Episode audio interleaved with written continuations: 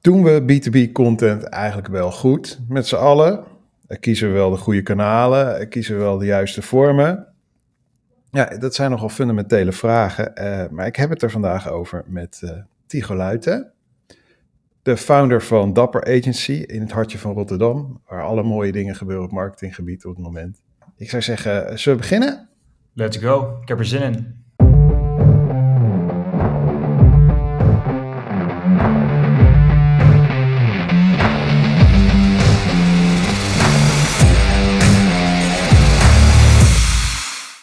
Oké, dit is de B2B Content Podcast en het is vandaag 24 januari alweer 2023. We zijn alweer even bezig. Het wordt langzaamaan een beetje lichter buiten. En we maken deze natuurlijk in samenwerking met Marketing Facts. En vandaag is Tigo bij me. En ja, nou weet je wat? Vertel gewoon eerst even wie je bent en wat je doet. Laten we gewoon even rustig landen. Laten we dat doen.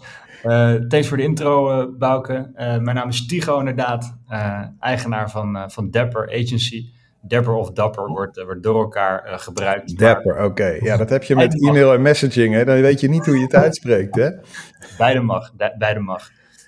We heten voorheen Dapper Rhino's. En de fout werd nog wel eens gemaakt dat men ons de dappere neushoorns noemde of dapper, dapper Rhino's. Dus uh, ik sta nergens meer van te kijken, maar dapper of, uh, of dapper. Heel goed. Beide oké. Okay.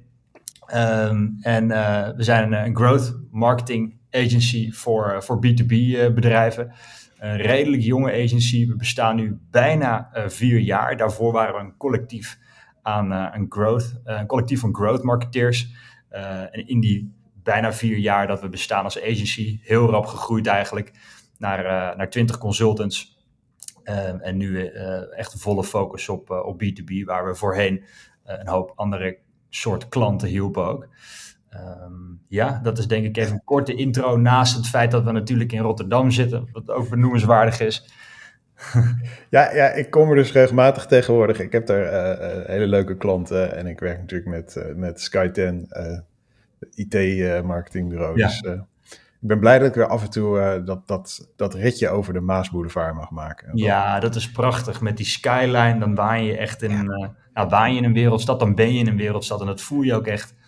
De enige stad van Nederland. Schrijf ja. dat maar gewoon ergens op. Ja. nee, maar je zegt, wij focussen op B2B. En dat is, ja. dat is ik focus dus sinds 2019 op IT-bedrijven. Nou, dat mm. weet iedereen inmiddels wel. Daar hou ik niet over op. Maar dat is wel echt heel erg lekker, hè, die focus in je bedrijf. Ja, ja, ja dat is echt, eh, echt heerlijk. Um, toen wij uh, begonnen, um, ook voordat we nog uh, de huidige BV hadden, dus toen Ivo en ik als, als, als freelancers samen klanten oppakten, toen was het echt van alles en nog wat. Als een bedrijf wilde groeien online, dan dachten wij graag mee. En daar pasten we dan de growth, hacking of growth marketing methodologie op toe. Uh, maar we, we, merkten dat die funnels er zo anders uitzagen. En dat bij B2B natuurlijk die funnel een stuk langer is. Dat de proposities vaak een stuk complexer zijn. Dat je de funnel niet helemaal af kunt maken als marketeer. Maar dat je voor het succes afhankelijk bent voor de samenwerking met de salesafdeling. Um, en eigenlijk kregen we uh, automatisch steeds meer B2B uh, klanten binnen. Omdat we dat gaaf vonden. We vonden die puzzel vonden we, vonden we, vonden we leuk. Um, en goh, ja, dan, uh, dan op een gegeven moment dan nemen we het besluit om er vol, volle bak op te focussen. En dat heeft allerlei positieve gevolgen. Je wordt er steeds beter in. Je wordt op een gegeven moment erkend als autoriteit. Op een gegeven moment wordt het voor bedrijven heel logisch om naar jou te gaan in plaats van naar een generalistisch, generalistisch bureau. Je kunt al je processen ja. erop inrichten, noem maar op. Ja, ja, ik, ja, ik zit er weer gewoon als een dolle te knikken. Want ik, ik, uh, ik heb in 2019 deze beslissing genomen. En ja. het, het, het is gewoon je bent er beter in, dus je kunt er ook gewoon eh, met droge ogen meer voor vragen. Ja. En mensen betalen er ook meer voor, want ze hoeven gewoon ook minder uit te leggen. Je hebt ja. voor iedere strategie die je doet, heb je sessie minder nodig, bij wijze van spreken. Omdat alle, ja, het, de template staat er al. Mm -hmm. Mm -hmm. Maar het, je bent nu dus een tijdje met B2B bezig. Mm -hmm.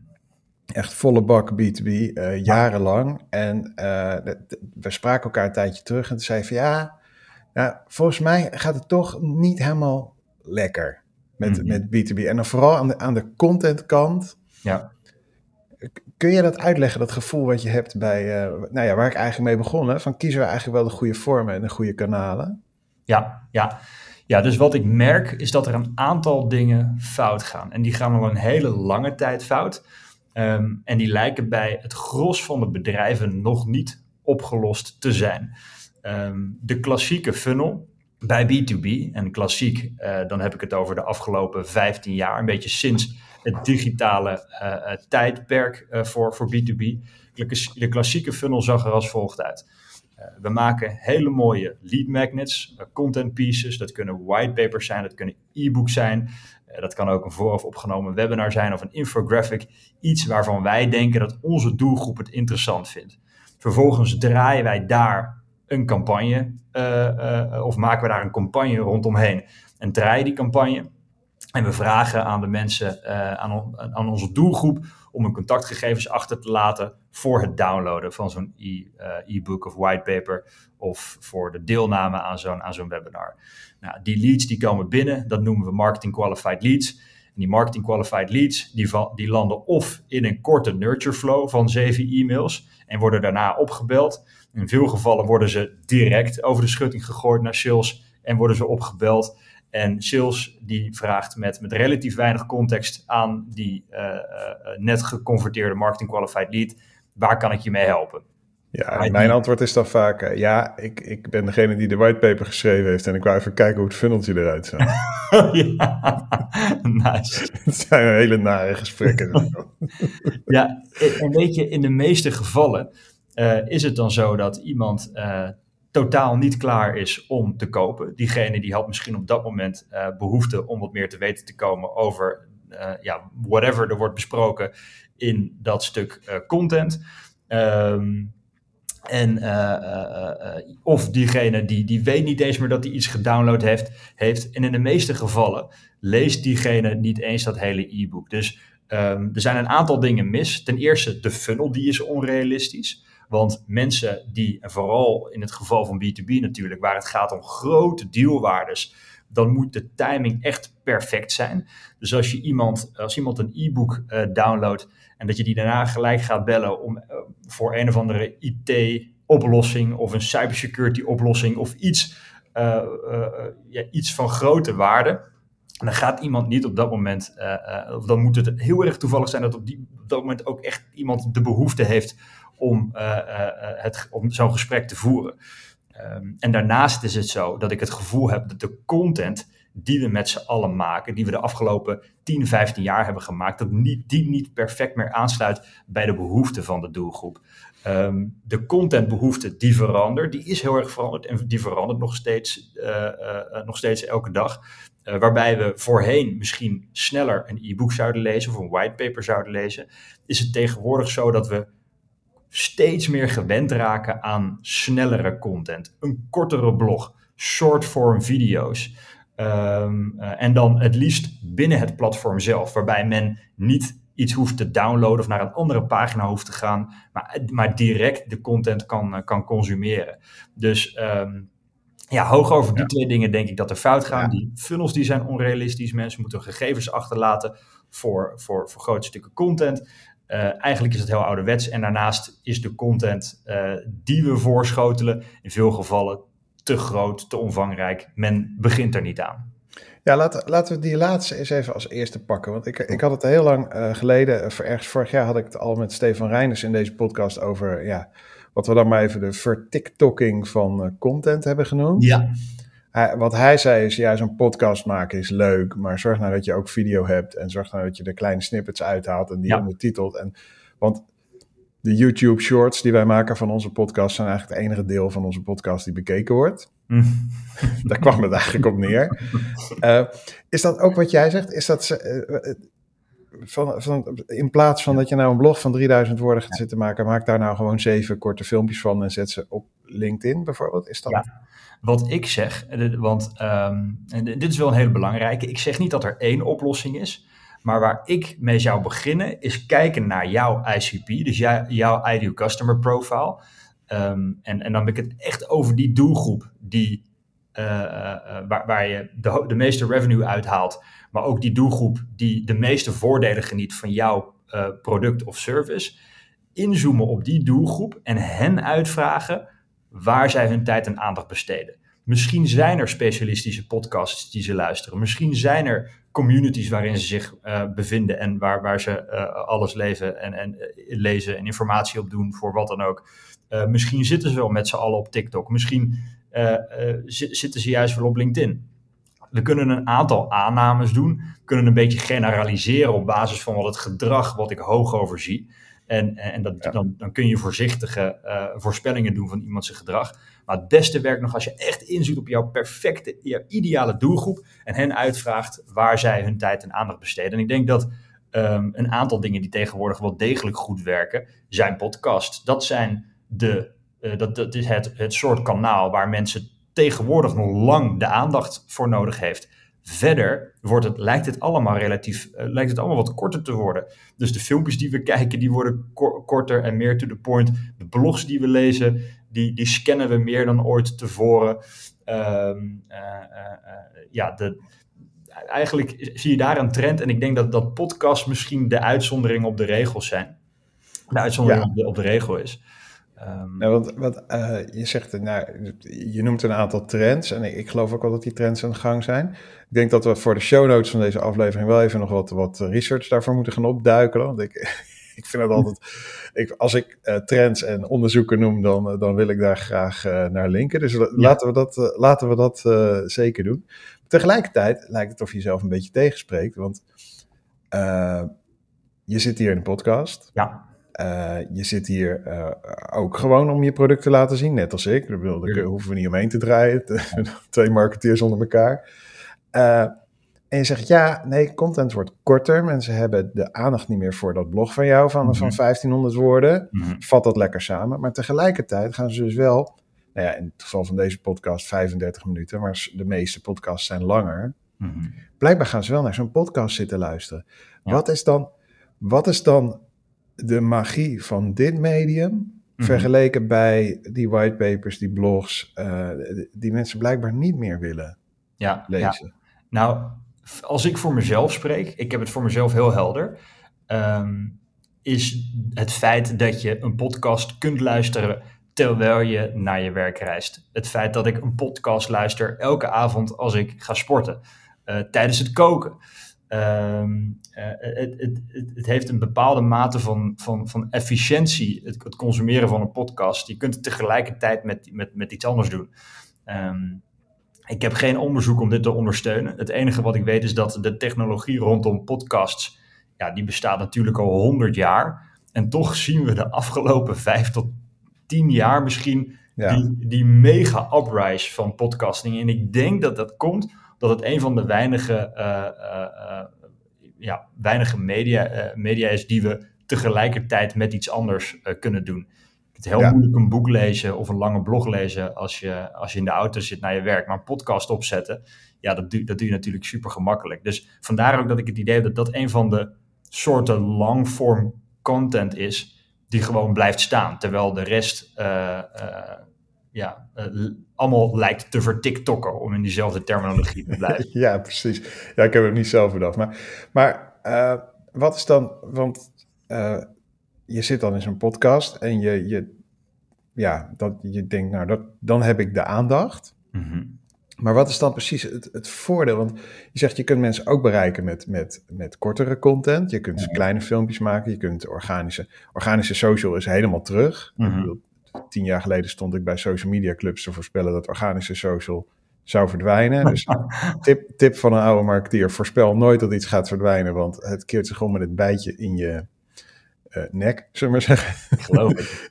uh, maar wat is nou, uh, wat is dan het voordeel van toch longform content kunnen maken? En toch ja, ja. daar de aandacht van mensen bij houden. Waarom zou je ja. ze er überhaupt mee lastigvallen? Laten we het zo zeggen. Ja, nou ik, ik, ik, roep altijd dat, het, um, dat marketing, wat je ook doet, draait om twee dingen. Um, binnen een categorie. En dat is het vangen van iemand zijn aandacht en die aandacht zo lang mogelijk weten te houden. En waarom? Uiteindelijk wil je een aantal dingen voor elkaar krijgen. Je wilt voor elkaar krijgen dat je doelgroep weet dat ze een probleem hebben. Je wilt voor elkaar krijgen dat je doelgroep weet dat jij degene bent die het probleem kan oplossen.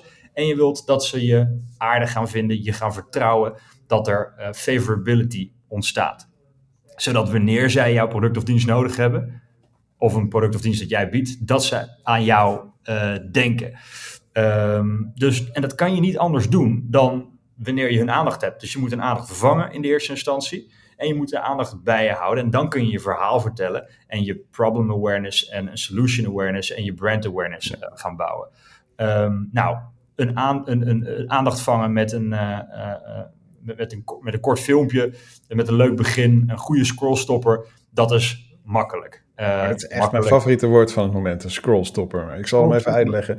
Dat, is, dat is wat je doet om te zorgen dat mensen je social media post niet voorbij scrollen. Of, of je video op LinkedIn. Dus ja, ja dat is eh, het, het social media equivalent van, uh, van clickbait eigenlijk. Ja, ja inderdaad. Ja. en, en dat kun je heel gemakkelijk doen door een, een gewaagde uitspraak te doen of uh, bepaalde stats te laten zien, een, hele een heel duidelijk pijnpunt of behoefte van je doelgroep uh, naar voren te laten komen. Uh, dat zorgt er allemaal voor dat je die aandacht vangt. Maar om die aandacht vervolgens bij je te houden, dat is uitdagend. En, want, want ja, kijk maar eens naar jezelf, of, of let er maar eens op als je zelf op LinkedIn zit, of, of op Instagram of TikTok. Dat is echt nog de het uiterste van het spectrum je hebt echt maar heel kort de aandacht voor een filmpje. En je scrolt ook heel, echt heel makkelijk ergens voorbij. Maar als je iemand zover kan krijgen om een half uur naar je te luisteren, ja, dan heb je echt die kans om hen te vertellen wat het probleem is, wat ze, wat ze hebben. Uh, dat jij degene bent om dat probleem op te lossen. En heb je een half uur om te werken aan, aan je likability, aan, aan, aan je top of mindness Sorry voor de Engelse termen trouwens, die ik er hey, joh, het is marketing, joh. Ja. Who cares? ja, dus dat snap ik. En nou hoor ik de laatste tijd eigenlijk iedereen, behalve over dat ene, weet je, dat, dat software dingetje waar iedereen het over heeft, waar we het niet over gaan hebben. Daar shall not mention its name. hoor ik de term demand gen.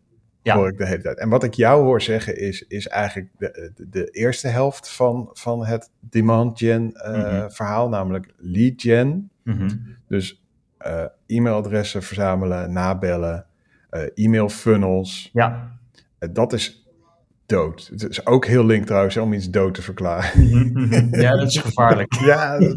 heb ik ook echt wel iets op te zeggen, maar maak je verhaal oh nee, doe dat dan maar nu. Dat, dat, okay. dat ja. Ja, dus wat, wat ik geloof um, is dat je, uh, nou geloof, het is niet zozeer geloven, het is, het is een, een, een, gewoon terminologie die ik zelf gebruik, is demand capture en demand generation.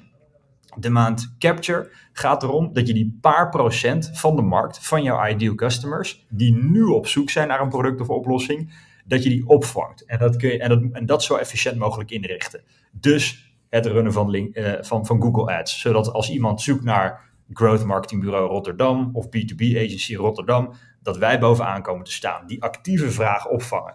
Dat we optimaliseren voor vergelijkingswebsites. Zodat als iemand naar een clutch of een shortlist gaat, dat is een vergelijkingswebsite voor agencies, en ze op Best Growth Agency Rotterdam of Best B2B Agency Nederland, dat wij bovenaan komen te staan.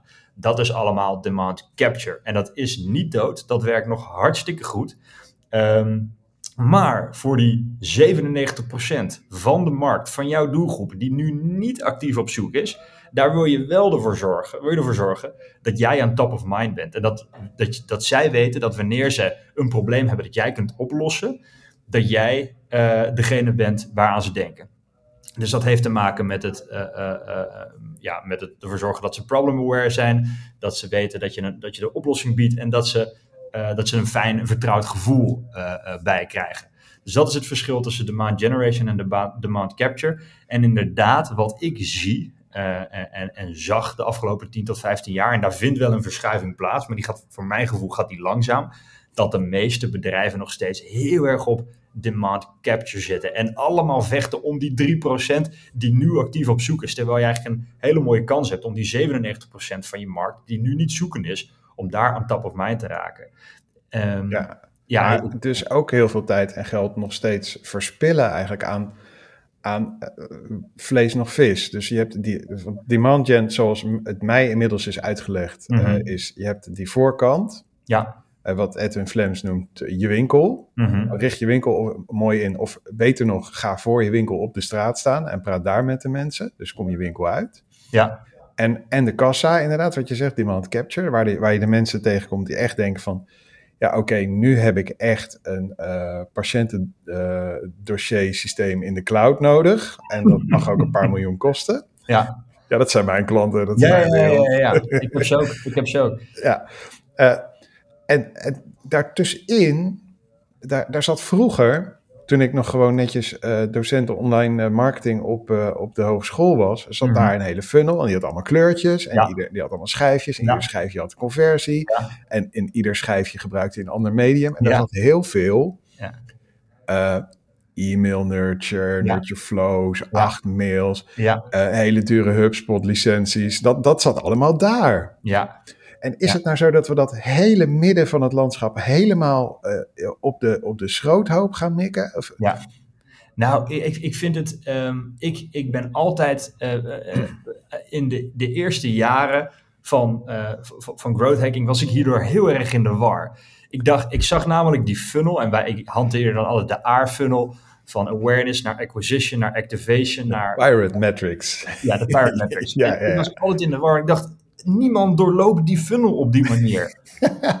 en en, eh, eh, en eh, ja, ik voelde dus zelf veel meer voor om die funnel heel erg te versimpelen. En toe te geven dat je niet al die stapjes, dat niet al die stapjes per- perfect doorlopen worden. Want de illusie die dat wekt, is dat inderdaad, je laat een keer iemand een ad zien op LinkedIn. Vervolgens laat je hem een whitepaper of e-book zien. Diegene die converteert, dat wordt een marketing qualified lead. En dan zijn ze in het activation blokje. Nou, dan moet je ze dus zes e-mails laten zien. En dan zijn ze warm genoeg om opgebeld te worden. Met, nou, dat, dat, het werkt simpelweg niet zo. In de meeste gevallen is het zo dat je een hele lange tijd iemand hele goede content moet voorschotelen. Waarbij ze eigenlijk continu eraan herinnerd worden dat jij de expert bent, de expert bent om hun probleem op te lossen. En wanneer ze dan uiteindelijk eh, jouw product of eh, eh, service of wat voor oplossing dan ook nodig hebben, dat ze dan aan jou denken. En, Ja. en dan moet je er zijn om ze op te vangen. En een heel goed voorbeeld van, ehm, van hoe dat. eh, nee, ik, heb, ik heb echt wel honderd voorbeelden van hoe dat eh, eh, werkt, of bij klanten bij ons. Maar een goed voorbeeld daarvan is dat iemand eh, ehm, al. Ja, eh, eh, eh, mij bijvoorbeeld al tien keer voorbij heeft zien komen. Of doordat ik zelf op LinkedIn post. Maar wij runnen ook hele specifieke ads op een hele eh, eh, eh, nauwe eh, eh, eh, ICP. Dus het zijn 20 tot 30 eh, k marketeers in Nederland die perfect, eh, eh, die, die onze perfecte doelgroep vertegenwoordigen. Die eh, laten we eigenlijk continu ads zien. En dat zijn ads waarin we eh, waarde bieden. Dus filmpjes waarin we uitleggen over B2B growth, demand generation, noem maar op. Nou, iemand heeft mij tien, voor, tien keer voorbij zien komen, een marketeer. Die heeft op een gegeven moment een bureau nodig. Die denkt niet gelijk aan mij, maar die gaat googlen naar growth marketing agencies eh, in B2B. Die ziet ons voorbij komen op Google, omdat we erop adverteren, demand capture. Die klikt op ons, want die zegt, ah, dat zijn die jongens die ik telkens voorbij zien komen. Van die filmpjes. Ja. En dat eerste gesprek, die, begrijpt, die weet precies al wat we doen. Heeft mij al tien keer voorbij zien komen. Dus dat gesprek, dat is, voor hen is dat net alsof ze iemand spreken die ze kennen. En, en, en daarom, en op die manier werkt dat zo mooi samen. Ja, maar je, kunt, je hebt daar dan geen data over. Dat is ook zoiets. Nee. ik, ik weet nog wel dat ik LinkedIn deed voor een klant en dat we, dat we eh, de video's allemaal op de site hadden staan. En dat iedereen vanaf LinkedIn moest doorklikken naar de video's. En, en er waren echt in het, waren goede video's. We maakten gewoon hele goede video's. Mensen wilden die zien. Dus er klikten ook daadwerkelijk mensen door. Maar als je hem Ja. gewoon uploadde naar LinkedIn, dan had je 40 keer zoveel views. Ja, ja, ja. Ze zei ik, nou, zou hem dan op LinkedIn zetten? En dan zei zo'n marketeer, nee, want ik wil die, die klikdata Ja. hebben. Ja. En dat Ja. is, ik dat hoor is dat nog echt De steeds. reinste kolder is dat. Echt loslaten. We moeten het niet willen meten allemaal. Nee, maar dat, maar dat. Toen ik begon met online marketing, toen werd mij beloofd Ja, door de goeroes, Bouke, nu ben je online, nu ben je digital, nu kun je alles meten. yes. En jarenlang heb ik, heb ik blogs doorgespit over content ROI Ja. en het meten van content succes Ja. en content scoring. En het, het waren allemaal, nou ja, leugens, weet ik niet, maar Nee, maar het, het is... het het is- werkt gewoon niet. Nee, het werkt niet. En eh, de afgelopen 10, 15 jaar hebben we ook geoptimaliseerd in B2B voor twee dingen. En dat is voor klik en voor download. Terwijl we willen niet optimaliseren voor, als je erover nadenkt, wil je niet optimaliseren voor klik of download. Je wil optimaliseren voor het vangen van de aandacht van je ICP en die aandacht zo lang mogelijk bij je houden en dan het best mogelijke verhaal vertellen, waarbij je, eh, en ik val in herhaling merk ik, um, maar... Dat heb ik ook heel vaak tegenwoordig. Ja, maar, maar dan is het wel duidelijk, als een doelgroep duidelijk maakt, jij hebt een probleem, wij kunnen dat probleem oplossen, jij vindt ons leuk en je kunt ons vertrouwen. Um, maar niet optimaliseren voor klikken voor download. Want daar verlies je, mee, eh, verlies je mensen mee tegenwoordig. Als mensen op LinkedIn zitten, willen ze ook niet, in de meeste gevallen, zullen ze niet willen doorklikken. Want dat doen ze even 10 minuten tussendoor als ze aan het werk zijn. Willen ze lekker op LinkedIn blijven. En als je dan de kans krijgt om één of twee minuten hen uh, voor je te hebben en een verhaal te vertellen, nou, dan kun je veel beter daarvoor optimaliseren. En dan verlies je wat data, maar dat maakt, dat maakt uiteindelijk niet uit. En dat kun je wel redelijk goed oplossen door self-reported attribution. Um, ik ja. ja, het ouderwetse vakje van uh, waar heeft u voor het eerst van ons gehoord? Zo simpel is het. Zo simpel is het. Um, ja. Wij houden uh, voor onszelf, maar ook voor onze klanten, houden een heel simpel overzicht bij.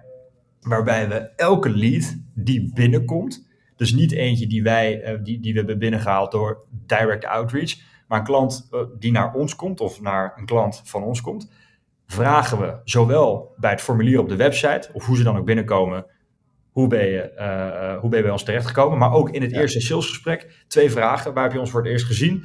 En ten tweede, wat gaf je op een gegeven moment genoeg vertrouwen, of wanneer was het timing goed dat je contact met ons opnam?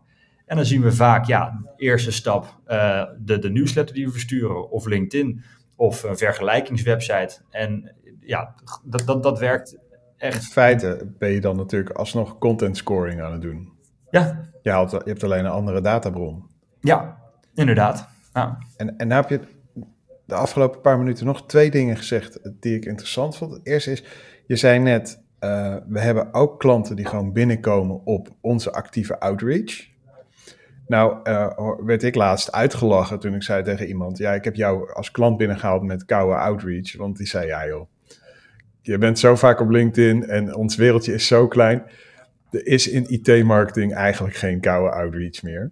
Ja, ja. Dus daar, ja, dat noem ik dan altijd maar gewoon conversie ondersteunend. Daar zit ook die, die hele voorkant, die demand gen voorkant, die zit daar toch ook? Want die hebben toch ook jouw filmpjes gezien? Zeker, zeker. Dus als wij um, hebben, als, we hebben dan één hele specifieke uh, ICP. En dat zijn B2B marketeers uh, uh, bij bedrijven tot 200 FTE. En wij helpen genoeg bedrijven daarboven, maar we merken dat onze propositie, dat die het beste aansluit bij dat groepje mensen. Nou, dat zijn in Nederland, zijn het misschien uh, uh, 20 tot 40k uh, mensen. Dus een heel klein groepje mensen. En eigenlijk is ons doel met al onze initiatieven om binnen dat groepje mensen beroemd te worden. Dat al die marketeers weten wie we zijn, uh, uh, weten dat we, uh, dat we supergoed zijn in de oplossing die we, die we bieden. Um, en ja, als we dan op een gegeven moment besluiten van nou, we gaan eens honderd van die marketeers bellen, um, want we denken dat we zo'n bedrijf kunnen bellen en we hebben die aan de lijn. Nou, dan hoop ik dat zij zeggen, ah Tigo, ik heb jou honderd keer voorbij zien komen, leuk dat je eindelijk belt. Ja, Kom een keer van de filmpjes, ja precies. Ja, nou, en, en het tweede wat je zei, want daar gaat het, het is de B2B content podcast. En ik, ik zei al tegen je, nou, uh, organische content is helemaal terug. Zeker. Maar jullie adverteren dus ook.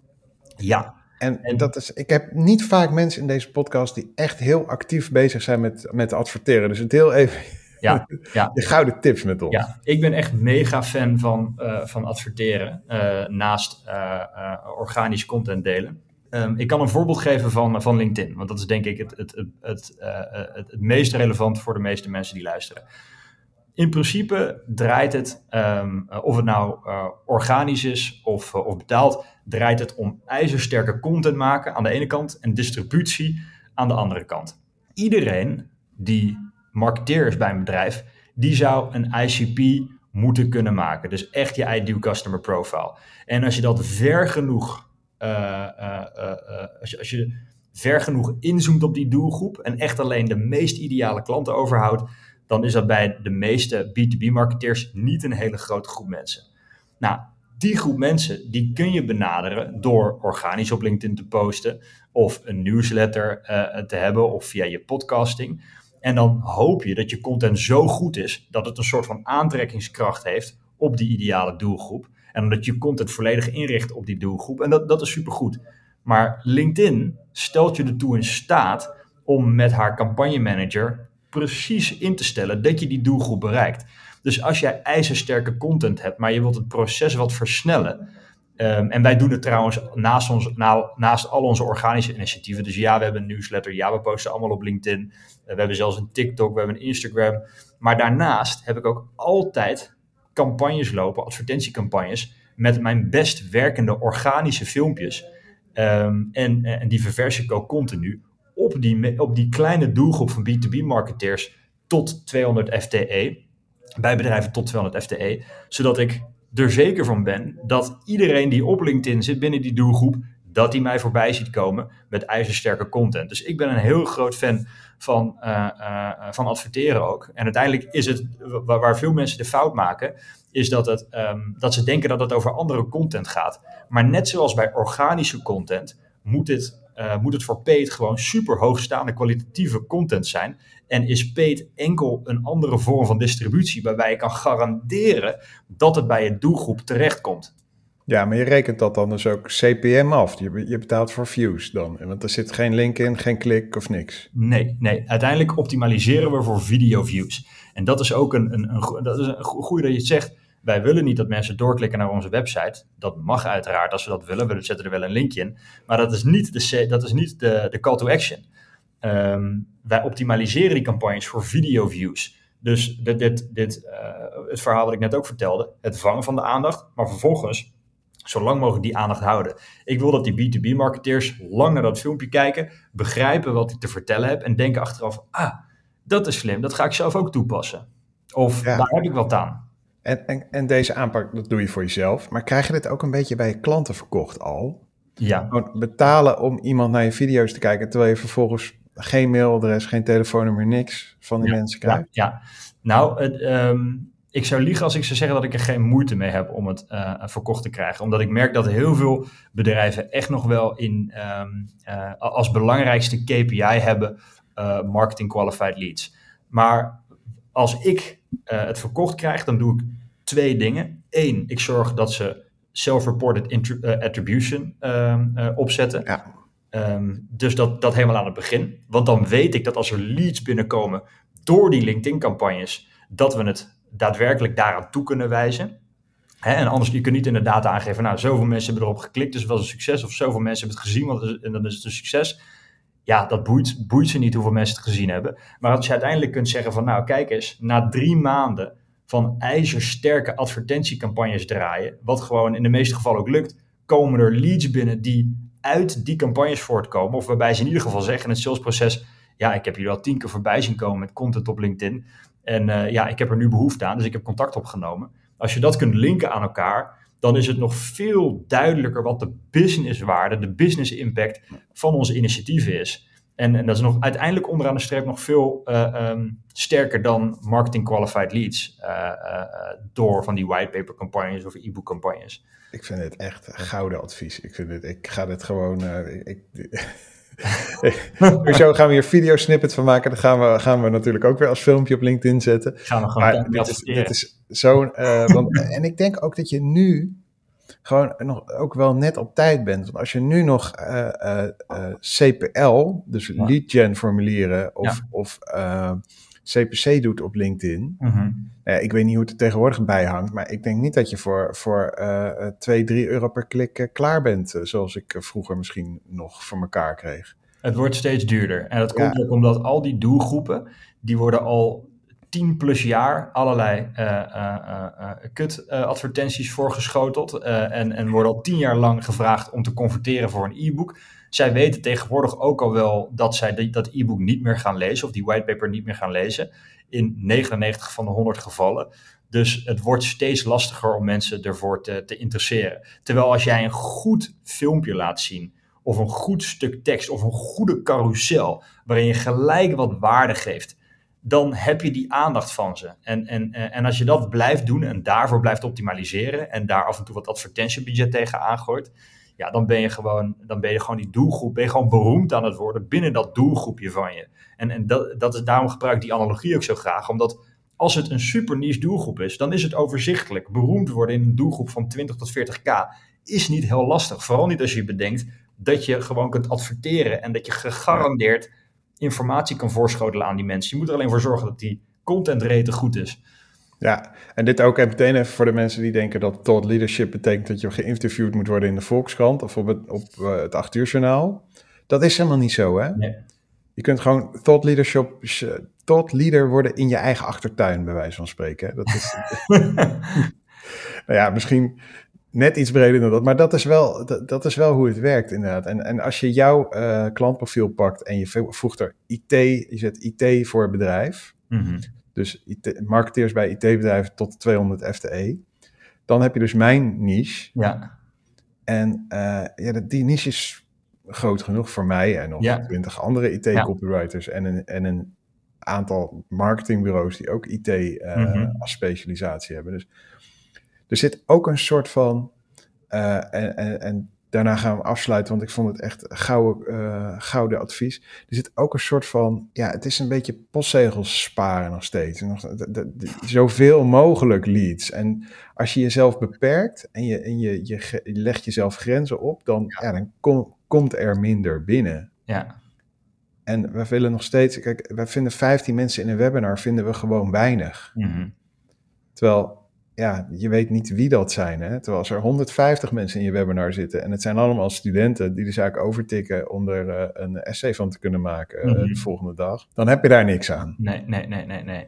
Dus, het, nou ja, goed. Nee, maar je, 100% waar. Ik heb, liever, ik heb liever 10 of 20 perfecte leads elke maand die binnenkomen na maandenlang genurtured te zijn door mijn LinkedIn-campagnes, door mijn newsletter, weet ik veel wat, waarbij de slagingskans super hoog is dan dat ik duizend shitty marketing qualified leads heb. heb weet je, en, en, en dat, ja, voor veel bedrijven is dit, uh, ik denk dat dat gaat veranderen, maar bij 80 of 90 procent van de bedrijven is dat nog niet uh, goed geregeld. Dankjewel. Jij bedankt. Dat was hem weer, de B2B Content Podcast. Uh, en als je er geen een wil missen, dan, ja, dan is dit de call to action. Je moet je gewoon inschrijven op mijn nieuwsbrief. En dan krijg je iedere week krijg je eh, inzichten uit de loopgraven en een berichtje als er een nieuwe uh, podcast online staat. Of je volgt hem natuurlijk gewoon waar je je podcast krijgt. Of op Marketing Facts. Hey Tigo, dankjewel. Echt leuk dat je er was. En uh, voor degene die gekeken of geluisterd heeft, tot de volgende keer.